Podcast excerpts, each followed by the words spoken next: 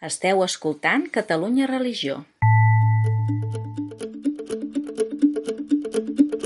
Som dijous 28 d'abril de 2022 i esteu escoltant la rebotiga de Catalunya Religió, aquest espai de tertúlia i comentari de l'actualitat amb els periodistes que som a la redacció. Saludem en Roger Vilaclara, en Jordi Llisterri, la Glòria Barrete. Com anem?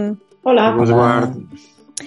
Avui amb convidat especial ens acompanya el poeta uh, Carles Duarte. Carles, com estàs? Bé, content de ser amb vosaltres. Avui t'hem portat aquí perquè, no, a banda de ser president del Patronat de Catalunya Religió, uh, com a savi, persona de cultura i, i de paraula, um, per comentar també la, la mort del pare Massot, no? del seu llegat, tot el que aquests dies els mitjans han recollit de la seva aportació al món de la llengua i de, a nivell de país també. Eh, I en la setmana que hem celebrat Sant Jordi i que també hem tingut la, la festivitat no, de la, la Mare de Déu de Montserrat, una setmana plenament montserratina. Per on voleu començar? Carles, en, en el pare Massot, evidentment el vas conèixer, el vas tractar moltíssima, infinitat de vegades, oi? Sí, el, el pare Massot eh, ens, ens coneixíem des dels anys 70, per tant, fa molts anys això. La, quan jo vaig estudiar filologia eh, a la universitat, immediatament em vaig posar en contacte amb ell perquè va coincidir eh, aquella època en què jo començava a treballar amb el doctor Badia Margarit i, i Joan Coromines, doncs, eh, amb la posada en marxa de l'Associació Internacional de Llengua i Literatura Catalanes, que té molt a veure amb la figura del pare, del pare Massot, eh? aquesta, aquesta entitat que continua vigent i molt activa, és la que vetlla ja pels ensenyaments del català a les universitats d'arreu del món. Va ser resultat d'una primera iniciativa de, del doctor Badia l'any 68 a Estrasburg, després es va fer se'n va fer un col·loqui a Cambridge en què es va constituir i el, el pare Massot no ha estat des del primer dia el secretari, ha estat la persona darrere de la, de, de la, de, del fet que aquesta institució existís, institució importantíssima. I, i eh, aquesta, aquesta figura de, de, del pare Massot en relació amb, amb l'Associació Internacional de Llengua i Literatura Catalanes ens ajuda a entendre moltes altres coses, perquè ell no, no va ser-ne mai el president, eh, en van ser el doctor Badia, professors com Germà Colón, Joan Beny, ell no en va voler ser mai. Ho hauria pogut ser en qualsevol moment que ho hagués demanat, per descomptat, perquè era la persona que aglutinava tothom eh, i, eh, dins d'aquesta gran entitat.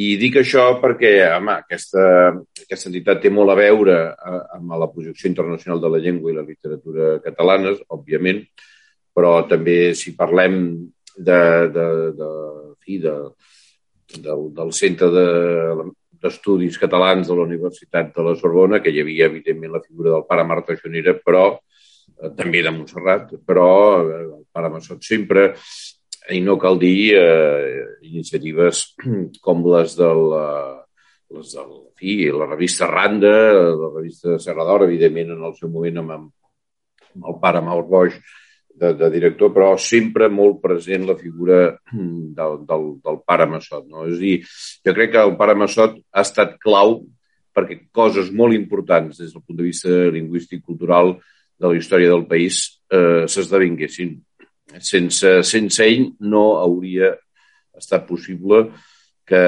que columnes que sostenen l'edifici de la cultura del nostre país eh, es mantinguessin dretes i fortes.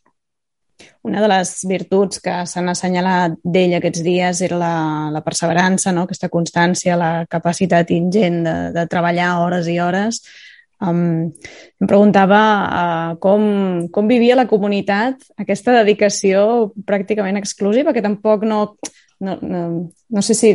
No, no era un permís especial, no? Tothom sabia el que feia i era, no, no era res clandestí, no? Però segur que dir, no? creava alguna diferència respecte a la resta de, de monjos. Sí, però jo crec que la, la, la comunitat ho vivia amb orgull perquè, diguem-ne, tenien la consciència que el que feia el pare Massot era molt important i que no tan sols ajudava la cultura catalana, sinó que ajudava el monestir a tenir aquest paper preeminent i de referència constant i de prestigi i de qualitat i com, com deies ara Laura, de minuciositat, de rigor de, de treball ben fet, eh, que, que la presència i l'obra de, del pare Massot garantia en les publicacions de la Dia de Montserrat i en tot el que ell i el seu entorn feia possible que existís. Jo crec que, vaja, tinc l'absoluta certesa eh, que, que el pare Massot era una persona molt estimada i molt, i molt admirada a Montserrat i, uh -huh. i el pare Hilari Reguer, el pare... És a dir, l'abadia de Montserrat eh, ha tingut la capacitat d'aglutinar dins d'ella eh, figures molt, de molt de gruix, eh, que van més enllà de la vida estrictament monàstica, i jo crec que això eh, el país ho agraeix i, i la comunitat ho valorava. Glòria, vols fer un comentari? Endavant. Sí, just, just quan ara deia el Carles, no? m'ha sobtat perquè tenia aquesta inquietud um, i la trasllado aquí. Um, aquesta sensació també de que Montserrat sempre ha estat un, un punt com d'atracció de monjos amb passions eh, molt fermes, no? I ara no donaré exemples, però la sensació de, de monjos que treballen per una qüestió concreta, no? Si és el país, doncs el país, la cultura, la cultura, la llengua, la sensació de que, no, no sé si es veu també des de fora o els que heu tingut l'oportunitat de conèixer aquests personatges, doncs teniu això, eh? Um, són monjos d'una comunitat, però amb una llibertat absoluta, per eh, poder expandir aquesta passió que un sent i aquesta capacitat de treball, i que no oblidem, eh, que són monjos d'una comunitat on tenen doncs, una, una regla benedictina molt, molt estricta i que sovint la segueixen, és a dir, no, no són gent que passa de tot, sinó que, a més, estan amb, amb, amb els dos peus en dos mons diferents i que tenen la capacitat, com el pare Massot, d'apropar-se també a persones eh, que potser són allunyades. Sí, jo crec que en aquest sentit una, una figura molt emblemàtica d'això que ens estàs explicant és la del pare Bonaventura Ubach, perquè el pare Bonaventura Ubach eh, va dur a terme a Terra Santa, a Roma, una obra ingent, de, de prestigi universal, eh, mm, reflectida després en publicacions que, que, que, que tots coneixem. Ara fa ben poc aquest darrer volum dedicat a la seva vinculació al, al Líban. No? Eh, esclar, la figura de Bonaventura Ubach eh, és una figura formidable, eh, que, que qualsevol país del món estaria orgullosíssim, eh, diguem-ne, de, de tenir dins seu algú que hagi estat capaç de fer una obra de tant de gruix. El Museu de Montserrat neix a partir de les col·leccions que va anar constituint eh, el, el pare Ubach, i no tan sols, eh, diguem-ne, oriental, sinó, com sabeu, el, el Sant Jeroni de Caravaggio el va adquirir ell amb una subhasta. Eh? I, per tant, diguem-ne, estem parlant d'una obra fonamental, formidable, que va fer una persona que era monjo de Montserrat que, i que servia a Montserrat, i la prova n'és eh, el museu, com deia ara, i la Bíblia de Montserrat, oi? que això queda, eh? Eh, i, i jo crec que això forma part de l'esperit de Montserrat, de l'abadia, no? diguem-ne, no tallar les ales eh, a les persones que són capaces d'aportar no tan sols molt eh, a Montserrat, sinó al conjunt del país. No? Jordi. Mm, tenint aquí el Carles Duarte, la veritat és que tindria moltes coses a comentar i, i intentaré sintetitzar. Sí, sí que un, un primer comentari, amb la línia del que ja s'ha dit, però destacar que en, el, en els dos casos dels dos premis d'honor de les lletres catalanes eclesiàstics, hi ha altra gent d'església, eh? el Manent, que ara aquí em sembla que ha sortit, o altre, el Badia Margarit, em sembla que també, si no m'equivoco, eh? però entre els premis d'honor doncs, hi ha el, el Pare Massot, però com a eclesiàstic l'únic que hi ha també és el pare Miquel Batllori, jesuïta. I de vegades hi ha el perill en aquests dos casos, que era allò massot historiador, massot editor, massot editorial, o historiador, o Batllori historiador, però no Batllori jesuïta o Batllori benedictí, o massot benedictí, no? I això crec que és important també que, que ho remarquem, que una cosa, ja, ja, ja s'ha ja dit, eh, però que una, que una cosa va lligada amb l'altra i que al final són, són dues figures el, la seva opció de vida religiosa i la seva tasca cultural o, o erudita, doncs són dues coses que van lligades. Aquest és un, un comentari que, que compartim. Eh, mm, quan estàvem parlant aquí la taula he recuperat, cadascú té les dèries que té, però últimament havia recuperat llibres sobre la guerra civil especialment el tema de la persecució religiosa, i al final tot estava editat a l'Abadia Montserrat. No, no, no ho podeu veure els que ens esteu escoltant, però tinc aquí el, el famós dos volums del Soleil Sabater i del Viu Arloia sobre la repressió a la Guàrdia a Catalunya, que és un volum dels anys 80, però que el Carles em corregeixi, jo crec que no s'ha fet res més. El tema de l'església clandestina durant la Guerra Civil que van fer el i el Manent, Eh, després hi ha un llibre del Massot, sobre, que és, bàsicament és un recull de conferències i estudis sobre l'església contemporània, però que abarca molt aquesta època, o un llibre que jo crec que és molt, molt desconegut, que és la persecució religiosa del 36 a Catalunya, que és testimoniatges, que va estar cura del pare Massot, i que bàsicament són testimonis de, de, de, de gent d'església i religiosos, no només eclesiàstics, sinó també laics, perseguits durant la guerra. Trec, trec aquest tema, Carles, perquè del, del Massot s'ha destacat en general la faceta d'historiador, però com a historiador de l'Església, especialment d'aquest període, mmm, també quin, quin pes creus que té? I entenc que no és casualitat que, la, més enllà del que ell va estudiar, i, però també de les publicacions que com a director de l'editorial va promoure, i tenia algun interès singular i per algun motiu, suposo. Ell va, va, va fer el, el llibre clàssic, La Guerra Civil a Mallorca, i és un tema sobre el qual ell havia treballat eh, personalment d'una manera molt intensa, rigorosa i exemplar. Ara, el que és evident és que eh, més enllà del que, de l'obra que ell mateix eh, era capaç de, de, de generar, de construir, ell tenia molt d'interès, com dius tu, Jordi, per aquest, per aquest període. Home, per què aquest interès? Home, perquè realment aquest és un, un moment en què, eh, diguem-ne, hi ha una trencadissa dins del país. És veritat que hi ha altres esdeveniments mm, força previs, com per exemple la, la, els atemptats eh, contra la processó de Corpus de l'any 1896, que va generar trencadissa. És evident doncs, que tots tenim molt present la, la setmana tràgica del 1909. Eh?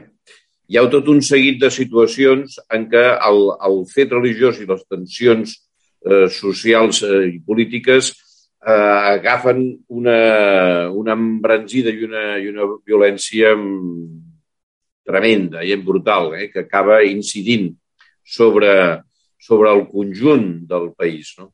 Ell això li va, el, va, el va motivar, el va interessar i va treballar molt a fons. I, diguem-ne, li interessava també perquè eh, veia en això una, una oportunitat per repensar el paper de l'Església al nostre país i per eh, reflexionar sobre quina havia de ser la posició que l'Església havia de jugar, quina és la responsabilitat que havia d'assumir en, en la construcció de la societat actual i futura. Per tant, no hi havia un interès merament arqueològic, d'estudiar ni, les coses... Ni, ni apologètic, entenc, no? Ni apologètic. Mm -hmm. és, és intentar entendre per què les coses succeïen i d'aquest entendre eh, extreure unes lliçons que ens ajudessin a tots a construir un, un àmbit de convivència eh, molt més fort i molt més ferm en què la, la vida religiosa i la vida cívica i política eh, s'entrellacessin d'una manera eh, natural i sense la conflictivitat d'aquells moments tan tràgics. Mm. I, una, I una segona cosa, el... quan han sortit alguns noms, tipus el Reguer, eh, si anem fent llista podríem citar el pare Lluís Duc, antropòleg recentment també que va morir. Més enrere trobaríem l'evangelista Vilanova com a teòleg de referència, el pare Guiu Camps com a bibista, o sigui, hi havia una llarga llista de noms a Montserrat i, i també ser un món eclesial de, de, de gent extraordinària en les seves disciplines que ens han anat deixant últimament i que ens dona la impressió de que anem, ens hem quedat molt més orfes, no? que anem perdent...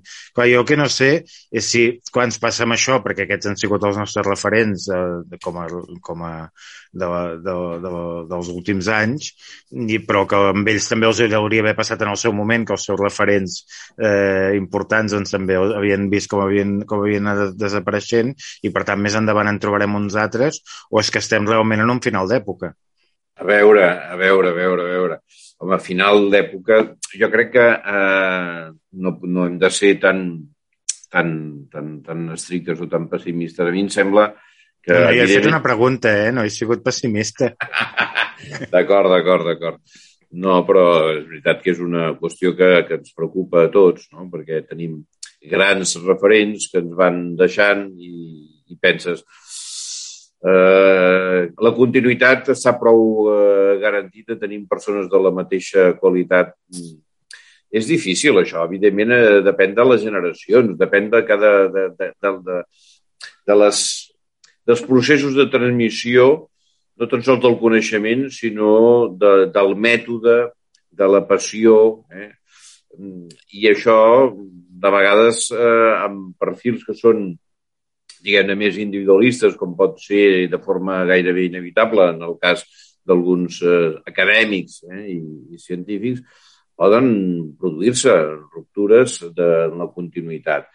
De tota manera, eh, jo mm, tinc la, la, la convicció, i, i a més a més des del coneixement i des de l'experiència, que tenim generacions molt sòlides eh, que encara no són potser prou conegudes des del punt de vista de la seva projecció en l'àmbit públic, però que eh, donaran eh, fruits, n'estan donant eh, i, i en donaran en els anys propers d'una manera molt notòria. És a dir, que eh, des de la meva perspectiva eh, no hi ha eh, angoixa, mm, veig gent de molt de talent que està emergint i que està construint eh, un, una trajectòria de, de la mateixa qualitat i estic convençut que això es, eh, es consolidarà en els propers anys i es farà més visible, eh?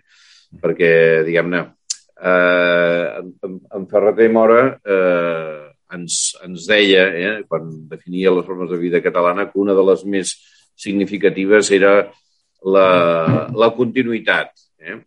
Jo crec que eh, això ens ha caracteritzat, ens caracteritza i ens caracteritzarà. Eh? I abans parlaves de, de, de, del paper que havia tingut Montserrat, home, recordeu que em va dir a Margarita i havia estat president de la confraria, confrara major, eh, diguem el nom exacte, confrara major de la confraria La Mare de Déu de Montserrat de Virtèlia. Eh, hi ha una continuïtat, eh? I, i jo crec que en les noves generacions d'historiadors, de, de, de, de lingüistes, eh, de teòlegs, està sortint gent de molt de nivell, de molta qualitat. Gràcies, perquè realment la pregunta era aquesta, no? Que si el pare Massot havia creat deixebles i ens quedem amb la frase de, de en Carles Duarte de que no tenim per què angoixar-nos, eh? Sí, sí, és que... El que hagi de ser que... serà i arribarà. Sí, és que a més a més, a veure, tots els que hem conegut eh, el pare Massot en som deixebles, eh? els que hem conegut des del punt de vista acadèmic, d'historiadors, de, de filòlegs, en som deixebles. És a dir, eh, potser no hem publicat cap llibre junts, però en qualsevol cas hem après molt. Eh? I jo crec que això succeeix és dir, quan, quan jo vaig treballar amb ell, entre altres àmbits, amb el Consell Assessor de l'editorial Barsino, dedicada, com sabeu, fonamentalment a l'edició de clàssics medievals. Ah, és, un, és un saber que es transmet. Eh? No, no, no cal seure en una mateixa taula i posar-se a treballar junts, sinó que es veu en tot el que fas una manera d'entendre eh, l'estudi i la concepció de la matèria perquè això s'acaba eh, incorporant eh, en la vida dels altres que, que han tingut el privilegi, eh, perquè és un privilegi haver pogut ser eh, tan a prop de, del pare Massot durant tots aquests anys. Molt bé, Roger. Què dius? Sí, jo, bueno, torno una, torno una mica enrere, en veritat, torno a la faceta que comentàvem de, del pare Massot de, de treballador i la capacitat de treball. Jo la veritat és que no vaig conèixer personalment el pare Massot, però sí que és cert que llegint doncs, els comentaris a les xarxes o, o diferents articles d'opinió, o també el que comentes tu, Carles, doncs t'arriba com aquesta idea no, de que era molt treballador i també volia destacar un article que vam publicar diumenge al web de la Montserrat Puixareu, en què també es centrava molt en aquesta idea de, del pare Massot com a persona molt treballadora, no? i també em va agradar o, o em va, em, bueno, em quedava també amb una idea que, que s'escrivia en aquest article, no? que és que quan, quan el pare Massot el van nomenar director de l'ESPAM, no? eh, la Montserrat Buixareu escrivia que, que només va demanar que no l'obliguessin mai a publicar cap llibre que, que ell no volgués publicar. No? I d'aquesta idea doncs, també em transmetia una mica com la coherència del pare Massot, no? que jo ja dic que jo no el vaig conèixer personalment, no? però que amb aquesta petita anècdota doncs, pensava, ostres, hauria ser una persona doncs, molt coherent o que, a més de treballador, no? doncs, de perseguir els seus ideals o de fer allò que, que pensa que no sé si és una que vosaltres doncs, o les persones que el vau conèixer doncs, també potser sentia o, o, o també doncs, us transmetia això al pare Massot, aquesta coherència, diguéssim. El pare Massot és una persona recta, és una persona honesta, una persona clara, és una persona de, de concòrdia, una persona càlida, una persona que transmetia afecte, eh? una persona afectuosa, una persona, eh, diguem-ne, que eh, t'hi trobaves a gust a, a prop, eh? Eh, que no, no, no et parlava des de dalt d'una tarima, eh? sinó que se t'acostava i, i el podies sentir molt a prop però era una persona recta, eh? una persona que no traïa eh? en, el que, en el que feia i en el que deia eh, era ell mateix. I crec que això ho admiràvem tots. És a dir, quan tu tens clar que la persona amb qui estàs treballant, amb qui estàs debatent, t'està dient realment el que pensa i ho diu de manera honesta, tot això té un valor. Eh? Té, té, té un valor que fa que aquella persona la respectis eh? Eh, i que puguis estar més o menys eh, d'acord, però que dones importància al que, al que diu. Eh? Tens, tens raó en això i, efectivament, Sara Buixareu ho posava en relleu amb justícia, perquè, efectivament, una persona que no va publicar res que no tingués per a ell un veritable sentit. No? M'encanta l'adjectiu d'una persona clara. És, és una definició molt precisa i ajustada. Sí, és que jo crec que el, el pare Massot ho, ho era, sí, sí. No, no, no sé si li venia de família, de, de, ho va aprendre, però jo sempre el vaig conèixer així.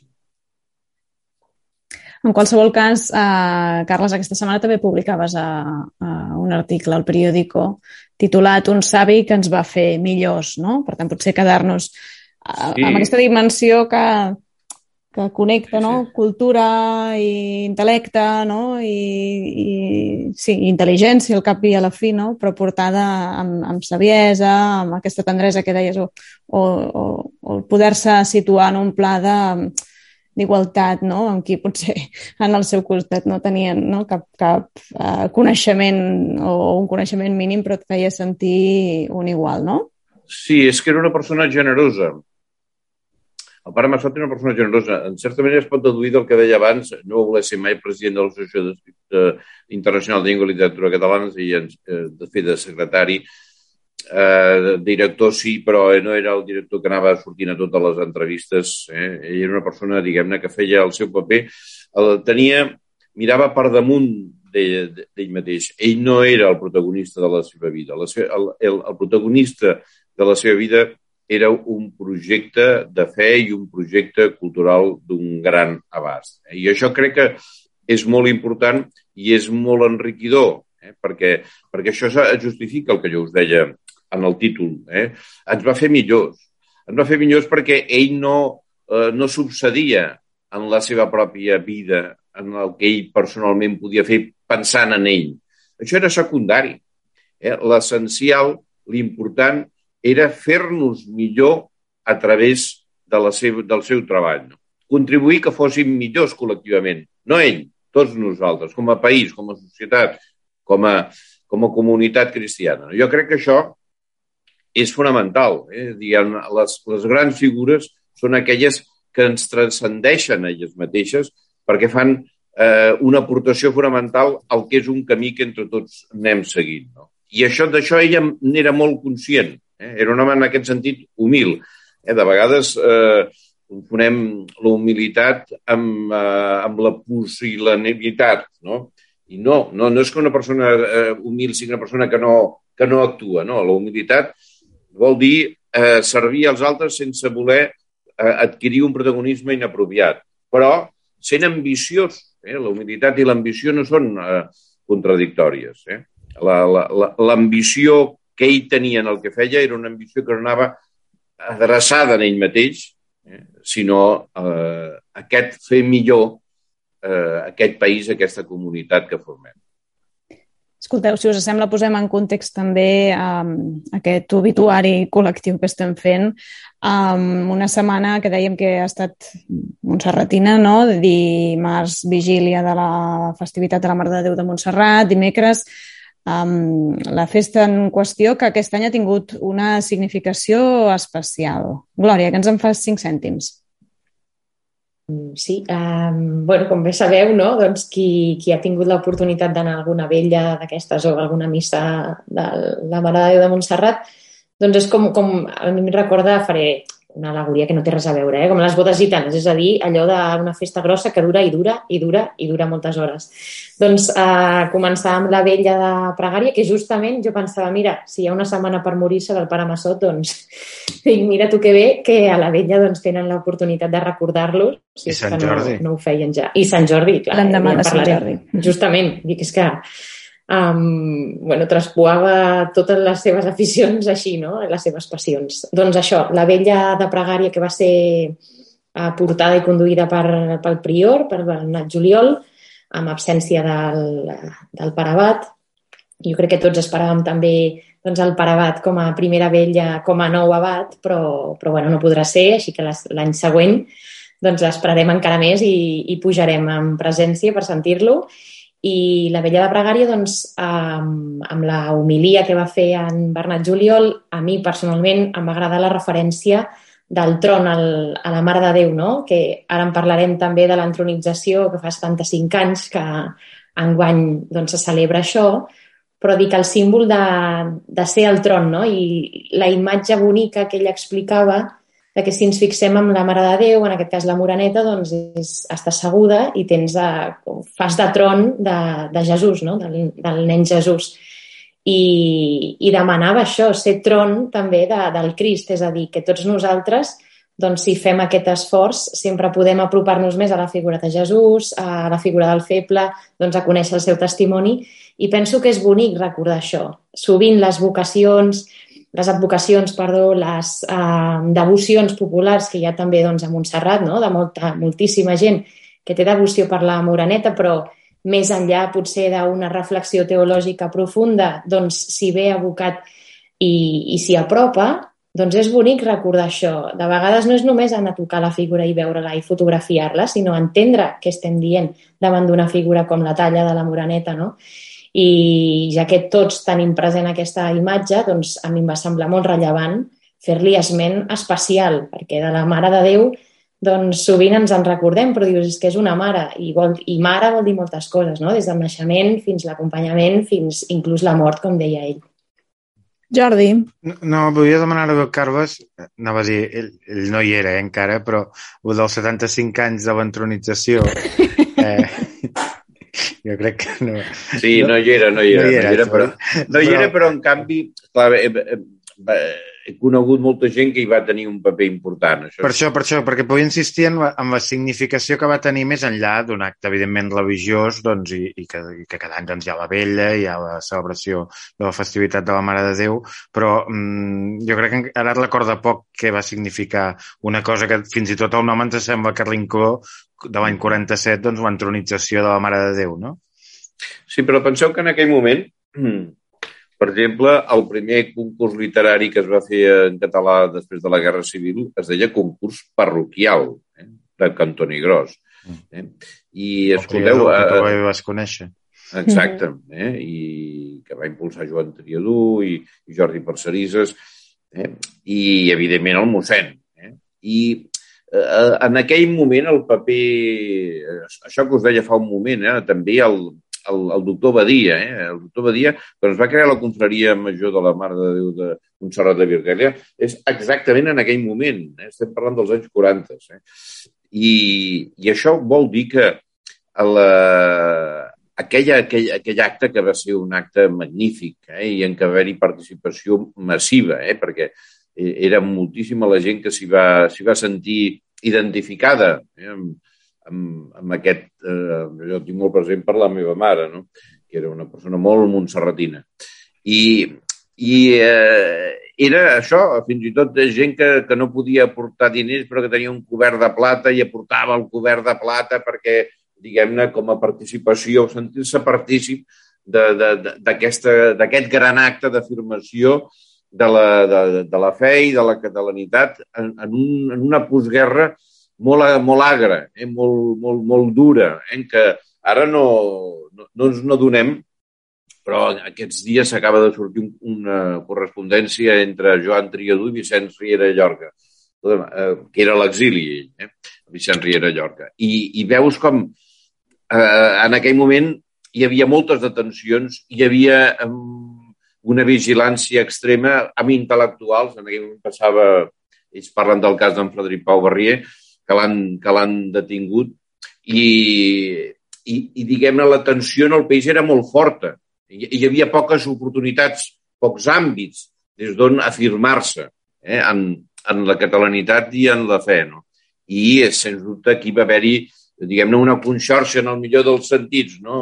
el fet de posar en comú moltes energies, molts anels, per fer possible un gest eh, que ningú no podia aturar i que, a més a més, vaja, l'altre dia parlàvem en, en un acte que coincidim en Sicart, que és dels, en Sicart va ser dels, de, dels que va pujar eh, eh, el, el barret frigi per, per, per mm, i m'explicava les aventures de, de, de com va esquivar la, la, la Guàrdia Civil que els estava esperant van fer la volta, eh, diguem-ne, per, aconseguir despistar-los. Per penjar la bandera catalana, no? Van penjar la bandera catalana. Dia és, és viu en Sicart, eh? viu, viu a Sants i m'ho vas explicant, eh, amics de fa molts anys i un gran excursionista, no? I, que, i, i em vas explicar tot com, com va anar en aquest aspecte que jo, evidentment, no podia conèixer. No?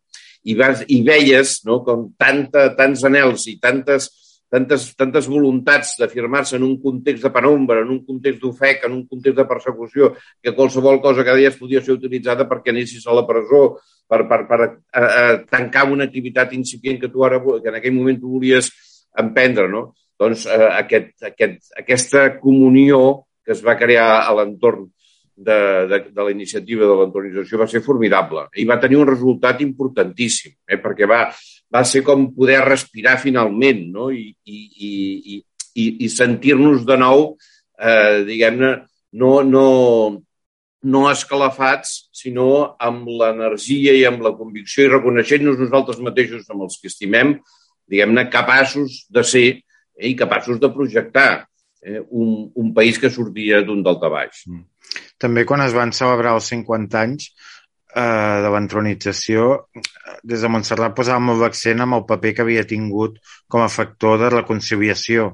De fet, estem parlant al cap de 10, no, ni 10 anys després de la guerra, que ara no, no, no feia 10 anys que s'havia acabat, i que això va ser molt important, i, i reconciliació a través de dos factors, el factor religiós i el factor també d'un catalanisme ampli. Eh? O sigui, ells van, en aquell moment van saber aprofitar les dues coses per, per, per intentar fer una, obrir una nova etapa després de la Guerra Civil. Sí, sí, absolutament. Absolutament. És que aquí hi havia era una, una, un espai de, de, de, de trobada. Penseu, ara, eh, uns anys després, no? quan aquí, eh, jo treballo en aquests moments és a la, a la Institució Cultural del SIC, aquí eh, eh, es va crear la primera escola de periodisme de l'Església i aquí tenien de professor el Vázquez Montalbán, eh, per dir un exemple prou emblemàtic del que no entendríem com un intel·lectual cristià, per entendre'ns. Eh?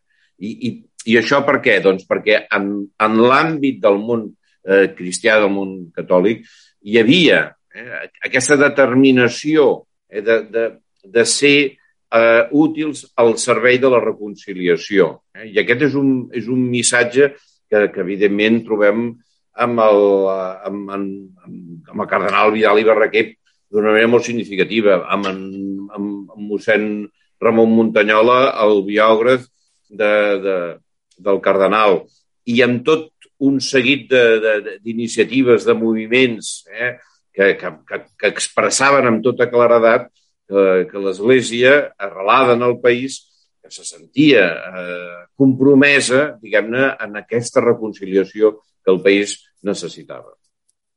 Carles, després dels fets del, de l'1 d'octubre, creus que l'Església ara mateix està fent també aquest paper de, de, de reconciliació, de mediació, de trobada de diàleg?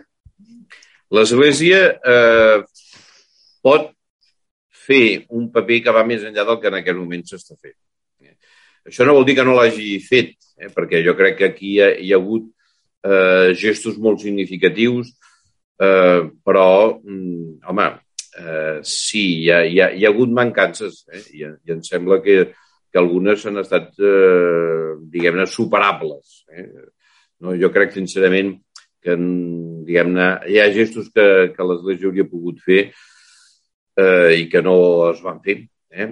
Però de la mateixa manera també he de reconèixer i poso en relleu que hi ha hagut eh, molta energia i molta determinació també des de l'Església, des, de, des, de la, des dels moviments de base, però també, evidentment, des de les jerarquies, diguem per, per intentar ajudar. Eh? I jo ara vull tenir un record pel bisbe Pardo, eh? perquè el bisbe Pardo eh, de Girona, persona molt estimada, en aquest sentit va ser dels qui va fer eh, gestos eh, perquè l'Església eh, fos percebuda al costat dels qui eren reprimits.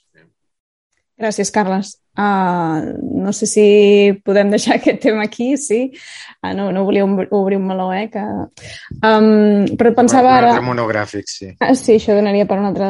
Uh, uh, una de les coses que sonaven ara no era um, amb el tema de l'entronització, no? la capacitat de crear comunió, civisme, no? pensava, no? o unir a través de la cultura que aquests dies tenim una, això, no? una data molt assenyalada en el calendari, que és el 23 d'abril, no? festa de Sant Jordi, no? i que eh, ens crida a tots a viure tots aquests valors. No, no sé com l'heu viscut, com ha anat eh, el vostre Sant Jordi particular. Jo patint molt per amics llibreters. Sí. Auditors. Sí. Els, concretament els que eren a Barcelona, oi? Sí, sí, sí. El moment de, els que esteu a fora de Barcelona no ho veu patir tant, però el moment de Barcelona de la pedregada i els todos aquells amb aigua i això va ser realment una, una situació de, no, no diré angoixant, però que paties pel, pel, pels altres. Ara, com a recuperació de la festa, extraordinari. I això crec que també que també hi estarem, hi estarem d'acord a ser una mena de lluita contra els elements, eh, en aquest cas concret, perquè, de, de cas concret de molts paradistes, però de, entre les ganes i el, no, la il·lusió que s'hi havia dipositat, després també anar veient eh, totes les conseqüències no, que implicava quan, quan tenim el mercat, com el tenim, Carles, també aquí podries fer el comentari, no? però que tot depèn d'un dia concret o posar no? que, que la comptabilitat d'un any no? Pesi tant un dia concret el que passi i el que no és, és una mica greu. Però hi ha, però, però, però hi ha una cosa important, eh? Que, que, que es va veure molt aquest, aquest dia de Sant Jordi, que és que hi ha una continuïtat generacional absoluta. Al contrari del que ara comentàvem, mm. que podíem tenir més dubtes, és que les, les franges d'edat van... De, no no s'ha perdut, eh? al contrari. No. Sí, jo crec que això eh, és veritat que és, que és dur des d'un punt de vista de l'empresa, eh, de, de tot aquest esforç que hi ha darrere de l'edició d'un llibre, del llibreter, però també del distribuïdor, també de l'editor, també de l'autor que hi ha al darrere del llibre finalment que s'escriu. Però, però esclar, eh, és, és una festa tan enorme, esclar, és una festa que, clar, jo, jo, jo era la Generalitat com vam, com vam aconseguir que fos declarat Dia Mundial del Llibre i, i qualsevol persona d'arreu del món que viu aquesta festa al nostre país s'enamora del nostre país a través de la festa. És que és una cosa extraordinària. I a més a més, quan, quan ho vius, eh, veus la gent, no?, eh, la calamarsada, i quan acaba la calamarsada la gent aplaudeix. Ah, dius, això la gent queda totalment... Eh, clar, és, és emocionant, no? Sí, Perquè... sí, va passar, va passar. I no és que, que són unes instruccions que han donat, no, no, és que es, això és el que fa gran aquesta, aquesta festa.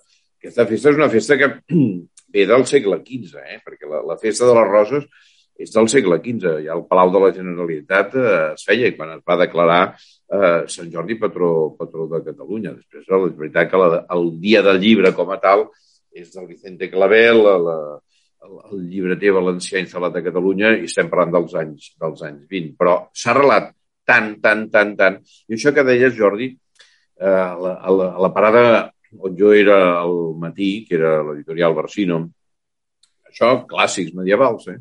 I teníem el, el Jordi de Sant Jordi, que és el llibre del qual jo he tingut uh, cura, no? Que era un... que anaves a dir que tenia els autors. no, els autors no. No els van demanar la firma, no. Certament era difícil d'aconseguir que tornés. Però en qualsevol cas, Jordi de Sant Jordi, que era un noi jove, que va morir a 26-27 anys, era un noi morisc, eh? ell era, era fill de moros, eh? d'un captiu, captiu moro cristianitzat, com el seu nom indica, molt cristianitzat, perquè la seva germana va entrar en el convent de la Saidia de, de, de València, eh, i, i era fascinant veure com dos, dos joves joveníssims, pràcticament adolescents, enamorats, no?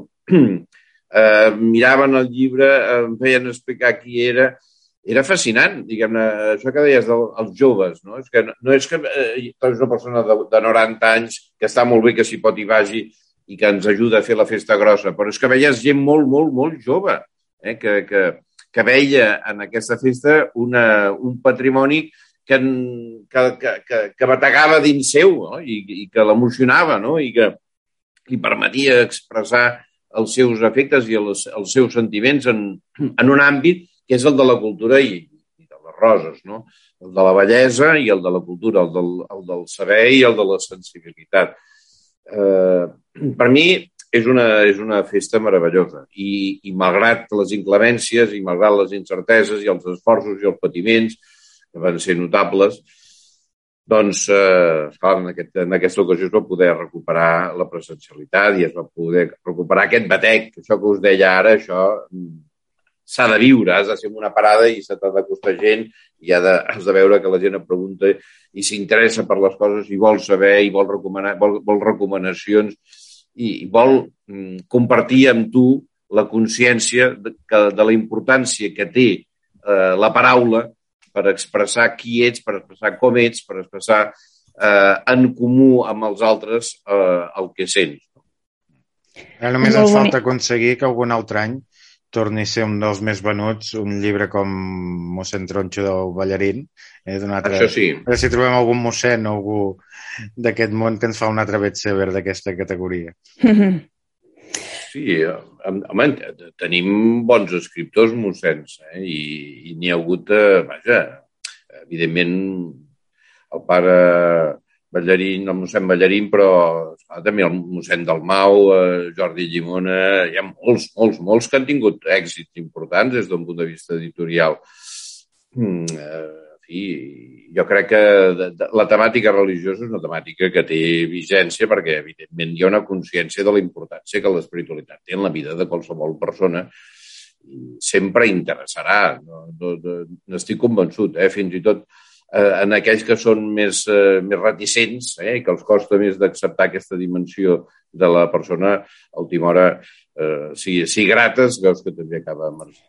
Ara que parlem de llibre religiós i que estem en una tertúlia comentari de l'actualitat, eh, la notícia del dia que no podem passar per alt és el trasllat de la llibreria Claret, que passa d'estar a l'encreuament no? de Llúria allà a plaça Urquinaona, no? a tocar, uh, per anar al barri de Gràcia.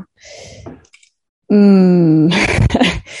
Déu-n'hi-do, déu nhi no, és un, A veure, és un signe dels temps de que, ens, de que al final ens hem d'adaptar a noves realitats i a tota la realitat del món de la venda online, que evidentment això canvia tot el plantejament i ara el Carles segur que té coses més a, a comentar-ho molt millor que jo. I, i el, és evident que perdem un, un punt de referència vi, més visible religiós al centre de Barcelona, però és veritat que aquí l'important és mantenir d'una banda l'editorial, o sigui, Claret té la part editori, d'editorial i per sí, tant, el trasllat és de les oficines de l'editorial i de la llibreria. I mm. després doncs, la llibreria, doncs, que hi hagi un lloc on puguis trobar l'oferta que hi ha d'aquest àmbit amb, en llibre religiós doncs, que continuï existint i tampoc és l'única que hi ha a Barcelona, doncs això és important. Aquí també hi ha hagut un esforç més o menys l'eixit, però que també ha sigut els últims anys doncs, que aquests punts de venda de llibres religiosos també s'estenguin a altres punts de Catalunya. Hi ha l'experiència Girona, hi ha l'experiència Tarragona, eh, segur que em deixo algun altre bisbat o algun altre punt de venda també en aquest sentit. A Granollers hi ha, hi ha la Santana, també, Exacte. que és una mini, mini micro llibreria, però, però que és, és molt antiga i és Exacte, uh, especialitzada en llibre religiós. Que en vam -hmm. parlar en el seu moment a Catalunya Religió, que ho vam explicar. Doncs veu, al final el que es tracta és mantenir això i d'assegurar la viabilitat de que, de que, dels punts de venda i de, sobretot de l'edició del llibre religiós. Al final, avui, el que es tracta és que hi hagi, el, eh, i ara ho dic en termes molt comercials, que hi hagi el producte i després el que es tracta és doncs, que aquest producte trobem les vies més adequades perquè pugui circular. Jo li vull fer una pregunta a la moderadora del Club de Lectura que tenim a Catalunya Religió, que és la Glòria. Perquè una mica em fa pensar que, que és possible una comunitat de lectors virtual, no? Uh, si el que ara en aquest cas estem parlant d'una llibreria, que és un lloc de pas i de trobada, i tens el llibreter que et recomana, vaja, no sé, voldria fer aquí una menció especial a Josep Maria eh, Lantà, que és, és un puntal, ha estat una persona clau, no? Um, I que un pou de saviesa aquí podies recórrer i tenia totes les respostes a les inquietuds i el que buscaves. Um, però, bueno, no sé si són signes dels temps. També tu deia, Jordi, el tema de, de la venda online. Bueno, amb la pandèmia hi ha hagut um, uh, tot el tema de... Ara no em surt el nom. Oh, Ajudeu-me, si us plau. Amazon. No, no, justament. Ah, ah a no, nivell de, sí. de gremi. De... Exacte. El... Sí, sí, sí, aquella plataforma que es van unir. Sí, sí, ara no recordo. Ara no recordo el nom tampoc. Que agrupen també els, els petits, no? que al final també donen una independència al sector i vaja, que ens obren ens obren molts horitzons. Glòria, tu d'això com ho veus? A veure, um, clar, ara serà com, com contradir-nos, no? Però jo sóc una gran defensora dels clubs de lectura presencials uh -huh. um, i sempre ho hem dit, no? Defensem aquesta presencialitat perquè també formem part, en el meu cas, d'un club de lectura local i, i veus la gran capacitat que generes quan, quan, quan t'hi trobes, no? Que vas parlant de llibres però és que acabes eh, empalmant amb el sopar i surten projectes més grossos, etc. Ara, mm, amb l'experiència del Club de Lectura de Catalunya Religió, gràcies a ser online, hi ha gent que t'expressa no? que som de punts de Catalunya diferents. Jo em connecto des del Bruc, però hi ha persones des de la Garrotxa, també hi ha gent des de Sant Cugat, eh, una persona que estava en un poble de Tarol, mm, des de Polònia també van fer connexió, no?, catalans. És a dir, D'aquesta manera pots fer com un, com un trajecte compartit amb gent que té aquesta capacitat. Ara, tant de bo poguéssim fer aquest club de lectura presencial i no, sempre ho hem dit, no? defensem potser alguna sessió de cluent de presencial perquè es va creant una comunitat. Però al final el que crea la comunitat és l'espai per dialogar, sigui presencial, com sigui online, i l'amor pel llibre i l'amor per eh, que el llibre et parli molt més enllà del tema concret que estàs llegint. I això ho veiem en el nostre podcast, no? l'interès que es mostra quan parlem d'un llibre concret sobre un trajecte de fugida i acabes parlant de, de l'acollida als refugiats. És a dir, és això, la grandesa d'un llibre és això i el club de lectura ha de ser això. Que ho podem fer online? Fantàstic. Les eines hi són, tenim l'experiència amb la pandèmia i no podem renunciar-hi perquè la gent de lluny s'hi pugui, pugui afegir. Però des d'aquí una crida a patrocinadors per poder fer aquest club de lectura presencial perquè sabem també doncs, que hi ha aquesta necessitat i bueno, som ferms defensors de la presencialitat. Perfecte. Escolteu, si us sembla, anem recollint. Ens falta, però, revisar eh, els articles més llegits de la setmana. Roger, ens ajudes a veure per on hem anat? Doncs sí, aquesta setmana l'article més llegit és l'article sobre la mort del pare Massot. En segon lloc, el més llegit és l'article de, del funeral del pare Massot. En tercer lloc hi tenim un article en què recomanàvem 15 llibres per Sant Jordi que dèiem que eren plens d'humanitat. En quart lloc hi tenim l'article de la Montserrat Buixareu sobre també el pare Massot. I en cinquè lloc hi tenim un article sobre l'inici de la Pasqua Ortodoxa i com s'està vivint a, a Catalunya entre el poble rus i ucraïnès. Important, sí, sí. Pasqua ortodoxa viscuda per aquestes comunitats que, que vaja, fa temps que formen part de casa nostra i en som no, uh, veïns. Uh, moltíssimes gràcies, Carles Duarte, per ser avui amb nosaltres en aquesta rebotiga. Um, vine Gràcies a vosaltres. Gràcies a vosaltres, a la feina que feu, que és magnífica. Gràcies als qui ens heu escoltat i ens llegiu habitualment. Uh, ens acomodem fins la setmana vinent. Uh, gràcies Jordi Llesterri, Glòria Barrete, Roger Vilaclara i s'acomiada també una servidora Laura Mont. Fins aviat. Adéu. Adéu.